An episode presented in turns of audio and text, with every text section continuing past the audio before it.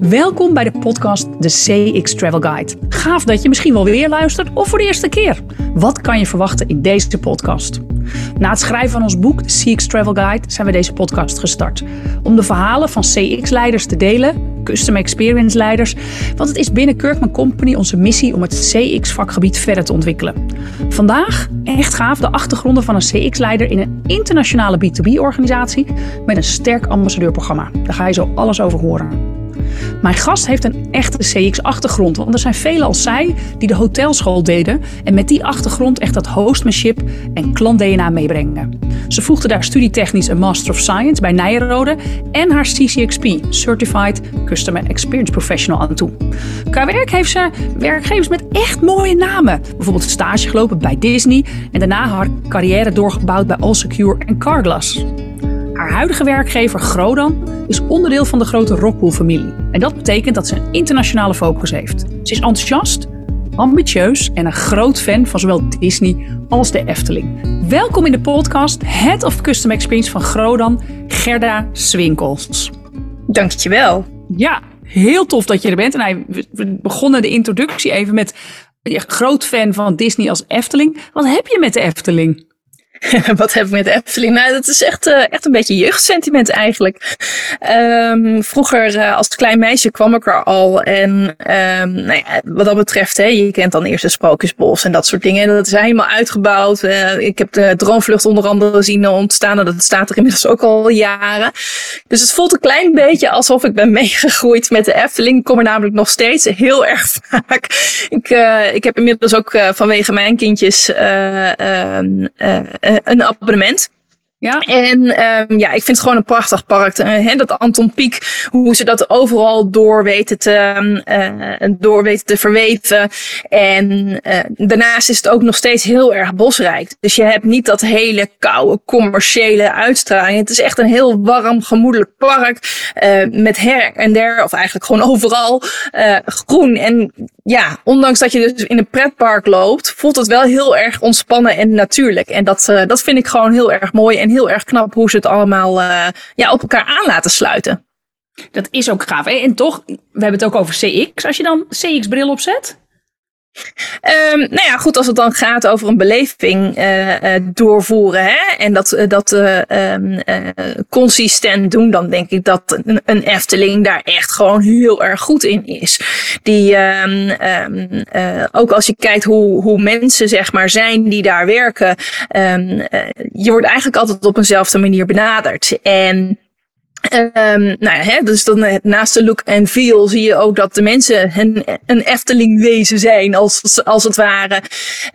Um, ja, dus dat, dat, zeg maar, als ik een beetje hoog over uh, mag, mag toelichten. Ja. Dat is toch altijd leuk. Het is leuk om het een beetje in te kleuren. Hè? Van wie ben je? Natuurlijk hebben we het over ons vak, want daar gaat deze podcast ook over. Gewoon eens, hè, ik heb wel genoemd uh, uh, Disney, uh, All Secure, Carglass. je hebt wat dingen. Maar hoe is jouw carrièreverloop en hoe ben je in aanraking gekomen met customer experience? Ja, um, nou eigenlijk is uh, de gastvrijheidsindustrie uh, met de paplepel ingegoten. Mijn moeder komt uh, uit, uit een horecabedrijf. En um, ja, dus bij ons thuis was het een en al al gastvrijheid. En ik wist dus al op jonge leeftijd, ik wilde hotelschool gaan doen. En dat ben ik dus ook uiteindelijk gaan doen. En um, nou, na twee jaar hotelschool had ik zoiets van, hey, there's more to it. Ik wil toch nog even wat meer achtergrond hebben. Nou, dat is de reden geweest om uh, door te gaan studeren. En daarna had ik zoiets van, ja, ja, maar de wereld is nu natuurlijk een stuk breder. Dus ik ga het wat anders uh, aanpakken. En toen ben ik de business consultancy ingerold. En dat was eigenlijk veel meer gebaseerd op uh, business process management, lean. En nou, ik, ik wist eigenlijk mijn opdrachten wel doorgaans richting die klantkant, hè, echt klantprocessen uh, uh, te vormen. Maar dat werd steeds lastiger en het werd steeds meer, de projecten werden steeds meer intern gedreven, veel meer efficiency gedreven. En ik begon steeds meer die klant of gast um, te missen in mijn dagelijkse werkzaamheden. Ik zag, ik zag hem gewoon niet meer. En daar werd ik gewoon niet gelukkig van. Toen ben ik een stukje soul searching gaan doen. Van goh, wanneer was ik nou voor het laatst gelukkig? Wat vond ik daar nou zo leuk aan? Um, wat was daarin voor mij belangrijk? Nou, ook echt gewoon letterlijk een mindmap daarover gemaakt. Met allemaal persoonlijke testjes en weet ik het allemaal. Ik heb van alles uit de kast getrokken, inclusief mijn rapporten. Van goh, welke vakken was ik nou goed in? En eigenlijk heel die brei aan informatie uh, bekeken van wat past nou eigenlijk echt goed bij mij? Ik was er nog niet helemaal uit. Toen ben ik naar een netwerkborrel gegaan van, uh, van, uh, van Nijrode. En uh, daar kwam ik iemand tegen. En die zegt tegen mij: Ja, Gerda, als ik jou zo hoor praten, kijk eens naar dat customer experience stuk. Customer experience, nou, dat was toen nog hartstikke, hartstikke jong. voor zover het niet nog steeds een relatief jong vakgebied is. En um, ik dacht van, nou ja, goed, ik ga daar eens naar kijken. En ik had een paar dingetjes daarover gelezen. Ik dacht van, dit is het dit is het. En eigenlijk vanaf dat moment um, ben ik mijn acties gaan nemen om dus eigenlijk het, uh, het customer experience vakgebied in te rollen. Ben masterclasses gaan, uh, gaan volgen en zo kwam ik daar ook um, um, een CEO tegen en daar ben ik, ben ik mee gaan praten. En van het een kwam het ander. Cool. Hey, en even, ja. dat is jouw de aanloop naar. Stel je voor, je moet nu een, een tante van jou uitleggen wat jouw rol is binnen Grodan. Wat, wat, hoe leg je dat mhm. uit? Head of Custom Experience bij Grodan. Ten eerste, wat is ja. Grodan? Wat doet Grodan? Nou, Grodan die is eigenlijk wereldmarktleider uh, in substraatoplossingen. Um, nou, dan zullen eh, de luisteraars misschien denken, substraatoplossingen, waar heb je het over? Nou, als je het heel plat slaat, hebben we het over steenwolmatten. Je hebt ze ook van glaswol, je hebt ze ook van kokos, maar wij maken steenwolmatten. Uh, en die liggen hier in de kassen. Um, dus die zijn voor de professionele uh, tuinbouw, de, tuinbouw, echte high-tech tuinbouw. En daar groeien onze paprika's, komkommers, tomaten, etc. Uh, uh, die groeien op onze matten. Kijk, cool. Het is ook echt een product wat je natuurlijk nooit ziet, B2B. Dus ik denk dat ook voor Ibel, hè, we zien, ik zie echt een grote groei aan uh, custom experience. Aandacht binnen organisatie, binnen B2B organisaties. Maar goed, nu moet je uitleggen wat jouw rol is aan jouw tante. Ja, nou wat ik eigenlijk door ga zeggen van, goh, wij willen gewoon die klant het beste, op de beste manier van, uh, van dienst zijn. En daar zul je een aantal dingen voor moeten organiseren. Denk aan trainingen, denk aan wat procesaanpassingen, denk aan communicatie richting je klant, uh, de informatie tussen afdelingen. Nou, als het dan gaat over dat klantgerichte organiseren van de organisatie, daar ben ik mee bezig. En was dit er al bij Grodan, deze rol? Nee, nee. Ik, um, um, ik ben de eerste die deze rol aan het inkleden is.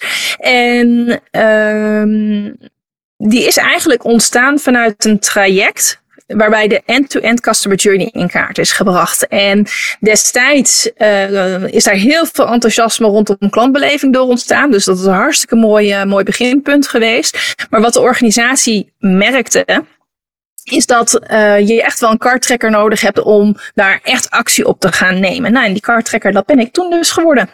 Cool. Heel cool. En dan, dan is er dus nog niet iets. Je moet van 0 naar 1, zullen we zeggen. Ja. Hoe begin je dan?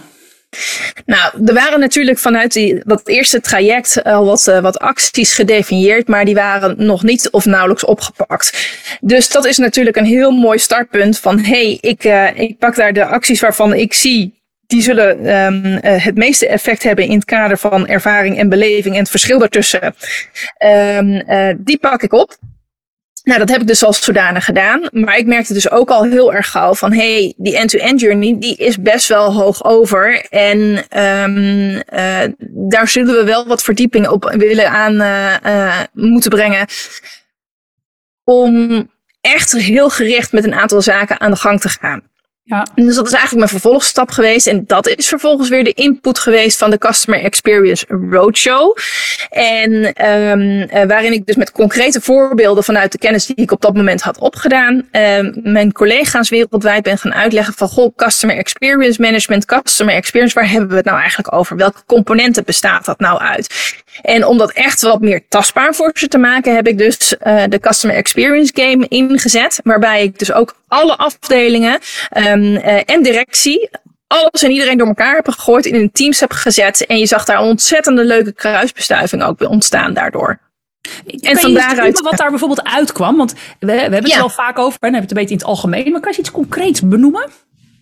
Ja, um, je bedoelt aan acties bedoel je? Of, ja, of bedoel je... je hebt de game gespeeld en wat ja. kwam uit? Um, oh, dan moet ik echt even, even gaan. Want ik, ik had een heel, echt een heel Excel met heel veel voorbeelden. Um, denk aan nou, iets heel simpels. Dat de, de, de, de, de uh, random act of kindness uh, um, momenten. hoe je dat kan inkleden. Uh, dat, je, dat je dat vaker kan doen. Dus mensen hebben echt een concrete actie voor zichzelf. Van joh, ik uh, ga wekelijks bekijken wat voor random act of kindness ik kan doen. En wat er speelt bij mijn klanten waar ik op in kan haken. We hebben het al even kort gehad over B2B. Groot is echt B2B. Hè? Wat je zegt, hè? wereldmarkt is substraatoplossingen. Dat is niet we verkopen uh, laptops of uh, koffiezetapparaten.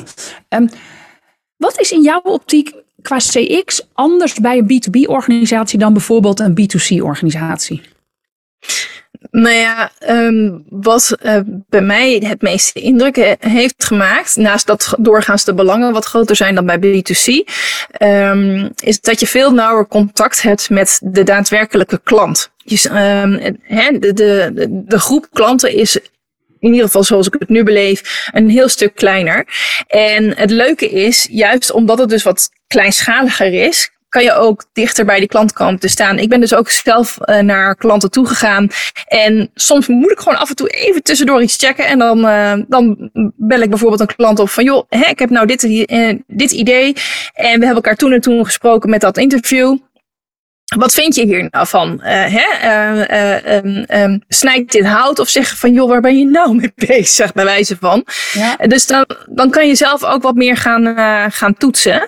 En um, ja, wat je ook heel erg ziet, is dat bij de business-to-business -business, klanten moeten de contactmomenten die er zijn ook wel echt waarde toevoegen. Dus geen flauwekul, want daar is gewoon simpelweg geen tijd voor. Nee, nee daar zit je klant natuurlijk ook niet op te wachten. En zeker tuinders. Nee Hè, die, die, mm. die hebben natuurlijk wel even wat anders te doen. Exact. Ja, en als je kijkt, we hebben natuurlijk heel vaak, als je in de, in de, de pijlers van het CX-framework kijkt, het vaak bij strategie. Dan hebben we het vaak over je brand promises of customer promises of klantbeloftes. Wat, wat, ja, hoe onderscheidt Grodan zich van andere bedrijven? Wat, Um, nou, in die zin, uh, Steenwol is heel erg schoon. En uh, misschien is het wel het handigste om het aan de hand van een voorbeeld uh, aan te geven. Want we zetten heel erg in op het, een stukje duurzaamheid en innovatie. Um, en die duurzaamheid, hè, als je bijvoorbeeld een tomatenplant in de aarde zet, 1 kilo tomaten kost 400 liter water. En door zeg maar die high-tech kas kan je dus dat water rondpompen. En dan is zo'n 1 kilo tomaten kost je maar 4 liter. Dus dat, dat is het duurzaamheidsstuk. Um, en qua innovatie, um, dan zit je echt in die root zone. Hè, in de, in de, de, de wortels en hoe die zeg maar groeien in die, in die matten. Ja, en dat zijn we continu aan het doorontwikkelen om dus uiteindelijk die tuinder echt te helpen om het beste resultaat uit zijn gewas te halen. En er zitten natuurlijk ook nog wat producten omheen dan alleen die steenwolmatten. Maar, um, um, uh, of blokken of hè. Um, maar ja, dus dat is eigenlijk wat we onze klanten beloven. Duurzaamheid en innovatie. Kijk, duurzaamheid en innovatie. En heb je daar ook nog servicebeloftes bij? Of? Nou, dat is uh, leuk dat je daarover begint, Nienke. Um, want bijvoorbeeld hè, wat er uit die Customer Experience Roadshow is, uh, is gekomen, uh, zijn een aantal mensen die heel erg graag wilden meewerken. Dus de, de ambassadeursgroep. En eigenlijk die servicebeloftes die zijn er uh, uh, of die waren er niet, zo moet ik het eigenlijk zeggen. Dus die ben ik samen met de Customer Experience ambassadeurs uh, gaan vormgeven, zodat zij het ook zelf konden gaan uitleggen. En um, dat zij ook onderdeel zouden worden van het proces, waardoor je dus ook dat nauwe contact houdt met, met de organisatie en ook de klantverhalen die vanuit hun ehm, binnenkomen. Um, ze zijn nog niet uh, uh, naar buiten gepredikt, want ze zijn ook een klein beetje, uh, of niet een klein beetje, ze zijn eigenlijk gewoon op de toekomst gericht van waar we naartoe willen qua klantbelofte. Ja, maar dat vind ik eigenlijk altijd wel heel logisch. Hè? Want je wilt natuurlijk niet klantbeloftes maken die je vandaag al kan realiseren. Ik noem het ook, het moet het lonkend perspectief natuurlijk zijn. Hè? En um, ja. ik vind het wel interessant. Hè? Uh, Grodan, hoeveel werknemers heeft Grodan? Ehm, nou, we zijn de afgelopen jaar, of twee jaar, uh, zijn we enorm gegroeid. Dus ik ben een beetje de taal kwijt. Maar volgens mij zitten we nu ergens rond de 180 als het gaat over Grodan zelf. Ja. Uh, maar we zijn natuurlijk onderdeel van Rockwool. Dus dan tel ik de, bijvoorbeeld de medewerkers in de fabriek en vanuit transport en logistiek. Die tel ik al niet mee, want die zitten aan de kant van Rockwool. Oh ja. En um, Grodan, ik zei al internationaal. Welke landen mm -hmm. zit, zit, functioneert Grodan vanuit? Uh, we zitten in meer dan 70 landen. Ja. Um, dus als het dan gaat over hoe de business units zijn opgedeeld, dan zit je met Noord-Amerika. Uh, dus dat is echt uh, de USA en, uh, en Canada. Um, je hebt het over export. Nou, dan, dan zitten daar ook een Australië, Nieuw-Zeeland, maar ook Italië bijvoorbeeld zit daarbij. Polen is heel erg groot bij ons. Um, nou, dan hebben we dan de, de Russische markt ook nog. Ja, en natuurlijk de thuismarkt. Dus dan heb je het over Northwestern Europe. En dan, ja, dat zijn dan heb je het eigenlijk ook over alle Europese landen. Dus ja, we zijn behoorlijk vertegenwoordigd wat dat betreft. Ja, want we zijn eigenlijk ook altijd wel geïnteresseerd. En hoe is CX georganiseerd? En nou, ik durf al te zeggen, jij bent een evangelist, hè, zoals we dat in het boekje, ja. in, de, in de CX Travel Guide hebben opgeschreven. Oftewel één iemand binnen de organisatie die dit oppakt. Um, ik weet dat jij een ambassadeursprogramma hebt, heb je net ook al even benoemd. Hoeveel ambassadeurs zitten er in jouw programma? Uh, twaalf. 12. En die zitten dus ook global. Ja, ja, ja, er zit, een, zit een deel zit in, de, in de Noord-Amerikaanse tak, zit een deel in de Russische tak. Uh, en dus um, uh, de, de Poolse kant, om het zo maar te zeggen. Ja. En Northwestern Europe, ja. En, en aan wie rapporteer jij? Ik uh, rapporteer aan de directeur marketing. Dus dat is ook wel interessant, hè? Dat snap ik ook wel bij jullie. Als je nou kijkt naar je ambassadeursprogramma, wat vind jij nou de succesfactoren daarvan? Um, nou, sowieso, omdat je dus met verschillende tijdzones te maken hebt en verschillende culturen, vind ik het heel erg belangrijk om iemand lokaal aanwezig te, uh, te hebben. Um, dat helpt gewoon in het kader van de verandering. En nou ja, dat, ik denk dat dat ook wel echt een succesfactor is. Dat we dus meerdere ambassadeurs um, uh, hebben per regio. Daarnaast iets waar dit ambassadeursprogramma afwijkt, denk ik, van, uh, van heel veel andere ambassadeursprogramma's, is dat ik mensen letterlijk aan het werk zet. Dus ik maak ze onderdeel van het developmentproces, om het zo maar te zeggen. Waarbij ze direct zelf invloed hebben. Waarbij ze dus ook eigenaars kunnen, uh, eigenaarschap kunnen pakken. En um, um, ook de verantwoordelijkheid voelen om een en ander verder te brengen. Dat maakt wel echt een heel erg groot verschil. Ik denk dat dat ook een heel grote succesfactor is. En um, ja, daarbij, omdat zij natuurlijk gewoon ook met hun eigen werkzaamheden bezig zijn in hun dagdagelijkse dingen. Merk je ook welke vragen er bij hun leven. Waardoor je dus veel beter gaat snappen van oké, dit is wat de organisatie nodig heeft om customer experience, om dat enerzijds te laten landen, maar ook om daar concreet mee aan de slag te gaan. Ja, je, ik denk dat dat wel mooi is. Hè? Want je zei ja. van, hè, ze gaan echt met dingen aan de slag. Kun je iets noemen waar ze, wat, wat vanuit jouw ambassadeurprogramma groter is gegroeid uh, aan een CX-resultaat? Ja, um, nou als het gaat over bijvoorbeeld hè, die, die journey die ik dan gaan uit, uh, uitdiepen, die end-to-end -end journey, daar heb ik gewoon een gedeelte uitgepakt. Dat ben ik verder gaan uitdiepen. Nou, daar komen een aantal initiatieven uit. Maar vervolgens heb je dat natuurlijk voor een regio gedaan. Want je kan het niet allemaal in één keer doen. Dat, uh, naast ook organisatorisch wat, dat er wat dingetjes anders zijn. Um, dus ik ben eigenlijk met die ambassadeurs gaan kijken van oké, okay, welke initiatieven liggen er nou die we moeten gaan oppakken en hoe verhaalt je dat tot jouw lokale regio? Wat moet er dus bijvoorbeeld aangepast worden? Uh, hoe kunnen we wellicht een aantal dingen net eventjes iets tweaken waardoor het gewoon beter binnen jouw markt past? Dus dan heb je het eigenlijk over hè, uh, think global, act local, zo zou je het zo, ja. zo kunnen zeggen. En waardoor het ook uh, tot de verbeelding gaat spreken van die ambassadeurs. Ja. En dat heeft enorm geholpen. En uh, heel leuk, dat um, we hadden bijvoorbeeld best wel wat klachten over chauffeurs. Ook in Polen. En omdat we dus de training hebben aangepast uh, naar Poolse maatstaven, er zijn geen klachten meer over chauffeurs. En het is iets heel kleins. Althans, in de beleving misschien zoals wij hier er nu over praten. Maar het was daar wel echt een ding. Dus je hebt daar echt ook een verschil kunnen maken door gewoon iets anders te gaan doen. Cool. Cool. En veel mensen hebben, ik denk het beginnen van een ambassadeurprogramma is makkelijk. He, dat je denkt, nou laten we daar eens mee beginnen. En je begint met een paar elementen. Maar ik weet gewoon om het voor te zetten. Um, hoe, hoe, wat voor type meetings heb jij nou, met iedereen of los? Of hoe hou je het levend? Ja, Um, nou, ik heb sowieso iedere maand een, eh, een teammeeting. Nou, naast dat je daar ook inhoudelijk een aantal dingen qua progressie en zaken, en uh, dat soort zaken bespreekt, vind ik het ook belangrijk om daar een beetje een leuk uh, element aan toe te, te voegen. Of dat mensen actief aan de slag gaan. Dat zijn ook een soort van mini-workshops eigenlijk.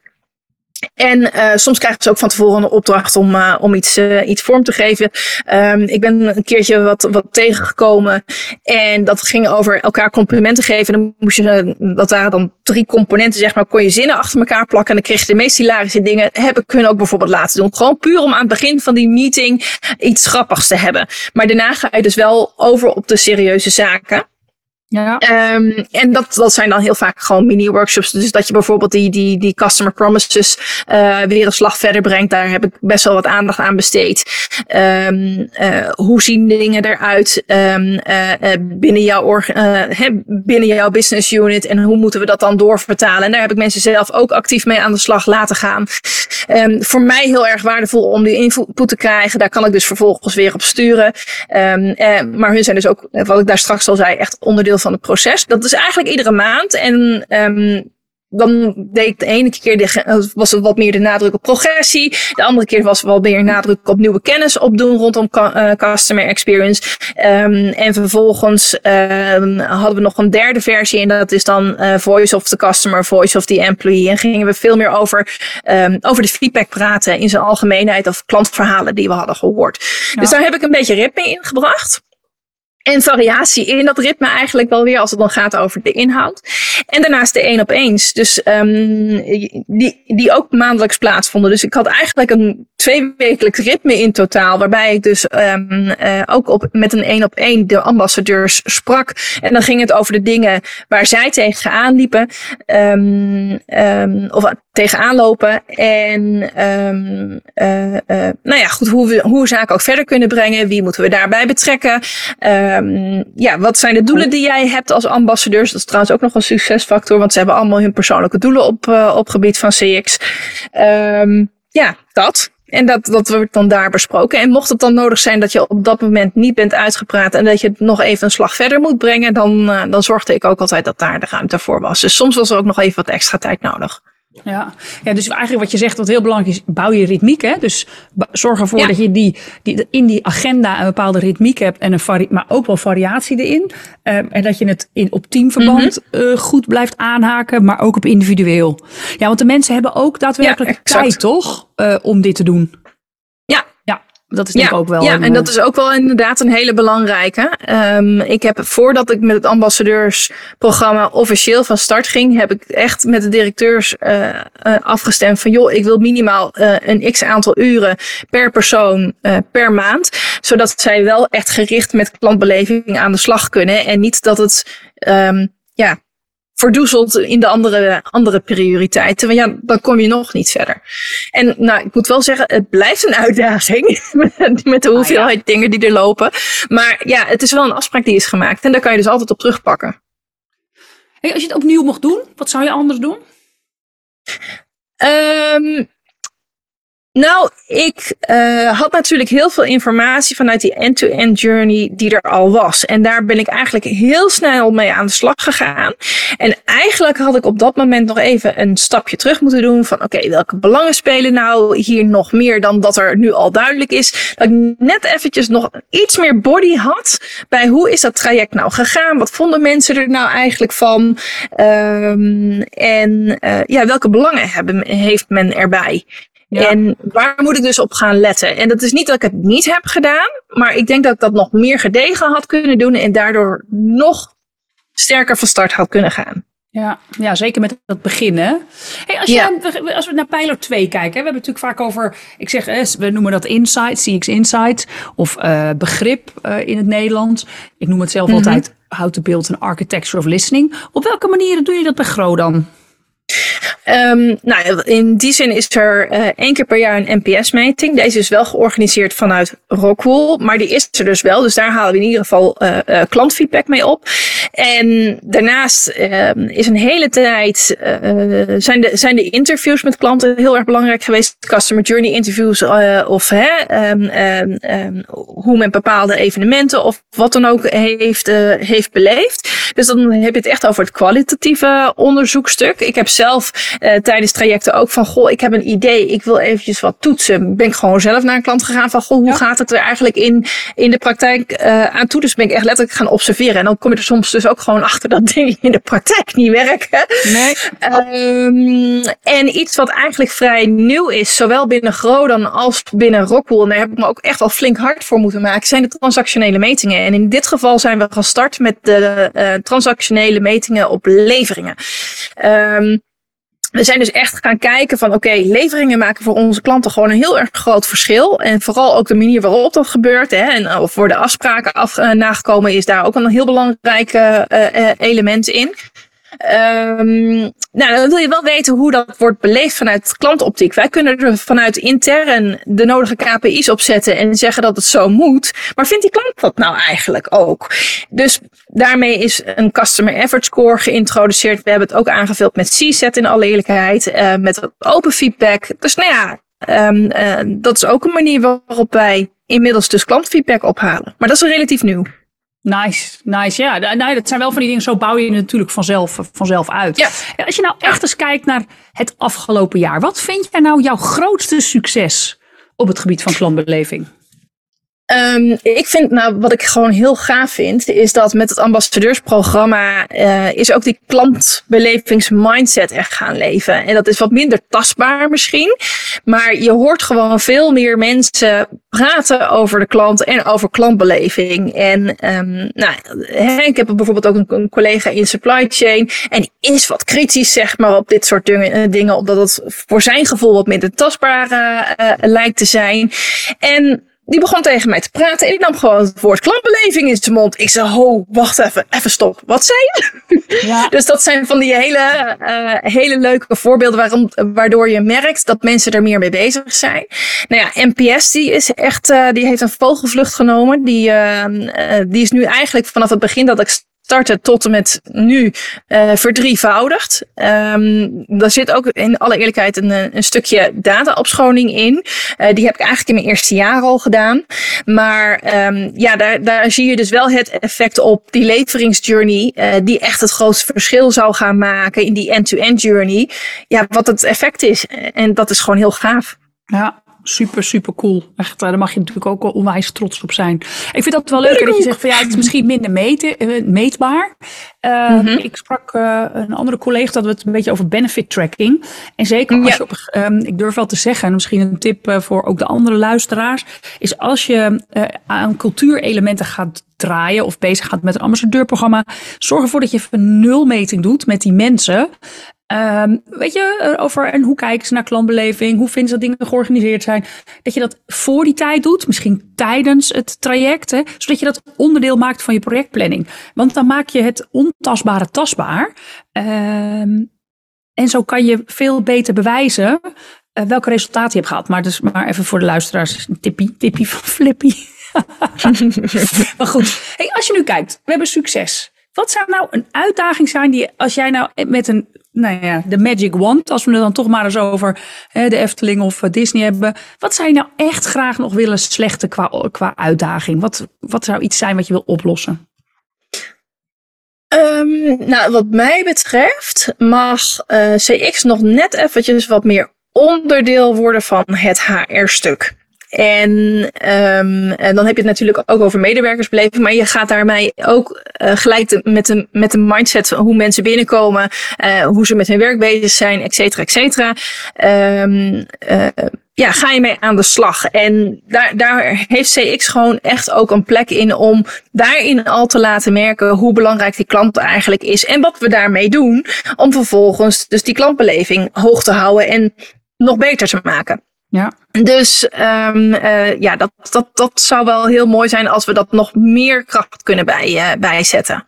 Ja, Ja, dat het is, niet dat het niet gebeurt. Het is natuurlijk ook niet iets waar je begint. Hè? Dus ik snap ook wel dat nee. op een, een roadmap je begint. Ik, ik zie niet heel veel organisaties die beginnen bij het employee experience stuk. Of je moet natuurlijk een heel stevig HR-clubje hebben. En dan is even heel klein. Als jij nou eens kijkt, dan, klantverhalen. Wat is nou een klantverhaal wat jij, nou, wat, wat jij niet meer vergeet, wat jou heeft geraakt? Ja, nou, dat vond ik wel eigenlijk heel erg mooi. Want wij zijn wel echt een aanmerk. En daarmee worden we ook vaak als heel arrogant gezien. Um, en een heel mooi verhaal, die komt uit Amerika. Uh, er waren accountmanagers en die waren eigenlijk hun ronde aan het doen. En je hebt daar heel anders georganiseerd. Dus um, um, je hebt daar ook gewoon kleine shopjes, om het zo maar te zeggen, waar je binnen kan lopen. En hij is eigenlijk daar naar binnen gelopen. Het was een heel klein clubje uh, mensen. Voelde zich daar dus in hun beleving ook niet te goed voor. En heeft daar staan wachten totdat de eigenaar, of in ieder geval degene die daar op dat moment was, um, um, beschikbaar was om het gesprek aan te gaan. Dus hij heeft echt geduldig zitten wachten. En Um, vervolgens die klant, of tenminste op dat moment nog geen klant, um, die, die, die vond het heel erg verbazingwekkend dat hij zo lang heeft, uh, uh, heeft staan wachten om gewoon het gesprek aan te gaan. En dat had hij zeker niet van Grodam verwacht. Nou, wat blijkt nou? Dat eigenlijk dat kleine shopje wat daar was, um, daar blijkt dus een hele, hele grote organisatie uh, achter te zitten. Hij zei, joh, je moet eventjes mee daar, daar, daar, daar naartoe. En voordat die accountmanager het wist, stond hij dus eigenlijk gewoon uh, voor de board. En hebben daar een heel, hele mooie uh, klant mee binnen te, binnen te krijgen. Gewoon puur omdat hij het geduld had. Netjes het gesprek is aangegaan met echte aandacht. En dan, hè, het is voor, voor CX is heel logisch dat je echte aandacht moet hebben. Maar hier zie je dus echt wat daar het effect van kan zijn in de praktijk. Um, ja, hebben we gewoon hele mooie klanten uh, weten binnen te krijgen. En uh, die blijkt toch een stuk groter te zijn dan ja, dat kleine shopje op de hoek, om het zo maar te zeggen. Dus dat is een heel leuk verhaal. En een ander heel mooi verhaal die me ook altijd zou bij uh, blijven. En die is ook heel simpel. Um, toevallig ook dezelfde accountmanager, want die heeft echt in de vingers. Die komt bij een klant binnen en die zit eigenlijk dat zijn, ja, zijn brochure, hoe komt zo maar te zeggen, waar mensen dus kunnen wachten, zijn wachtruimte. Dat was qua brochures gewoon echt een zooitje, om het maar even gewoon te zeggen zoals hij het heeft beleefd. En wat is hij nou gaan doen? Hij is eigenlijk gewoon al die magazines, folders, weet ik veel wat er allemaal lag, is hij gaan sorteren. Heeft hij heel netjes in de, in de rekken gedaan. Vervolgens komt die klant naar beneden en die, die kijkt hem aan van, wauw, hier loopt iedereen gewoon zomaar aan voorbij en jij doet het gewoon even voor mij. Oh, dat vind ik wel heel erg bijzonder. Het zijn ja, hele kleine voorbeelden, maar ze hebben zo'n groot effect. Ja, nice. Nice. Ik vind dat soort verhalen, we hebben het wel over met verschillende, uh, verschillende collega's altijd. Eigenlijk dat dit soort verhalen heb je ook echt nodig hè, als CX-leider. Um, ik heb jou ook wel een beetje mogen helpen en, en hebben met elkaar geoefend. Wat vertel je nou? Hè? Wat is nou jouw ja. CX-story? En uh, dit zijn wel de verhalen die mensen ook raken op een emotioneel vlak. Maar ook dat ze snappen van, hé, hey, dit soort dingen kan ik doen om mm -hmm. het te veranderen. Als je nou kijkt Klopt. naar het verhaal wat jij, hoe toen jij startte en het verhaal wat jij nu vertelt, wat zijn de grootste veranderingen erin? Het is een stuk concreter. uh, het is, um, uh, ja, nou ja, goed. Um, um, als echte CX'er kan je best wel verzanden in het vakjargon als je niet uitkijkt.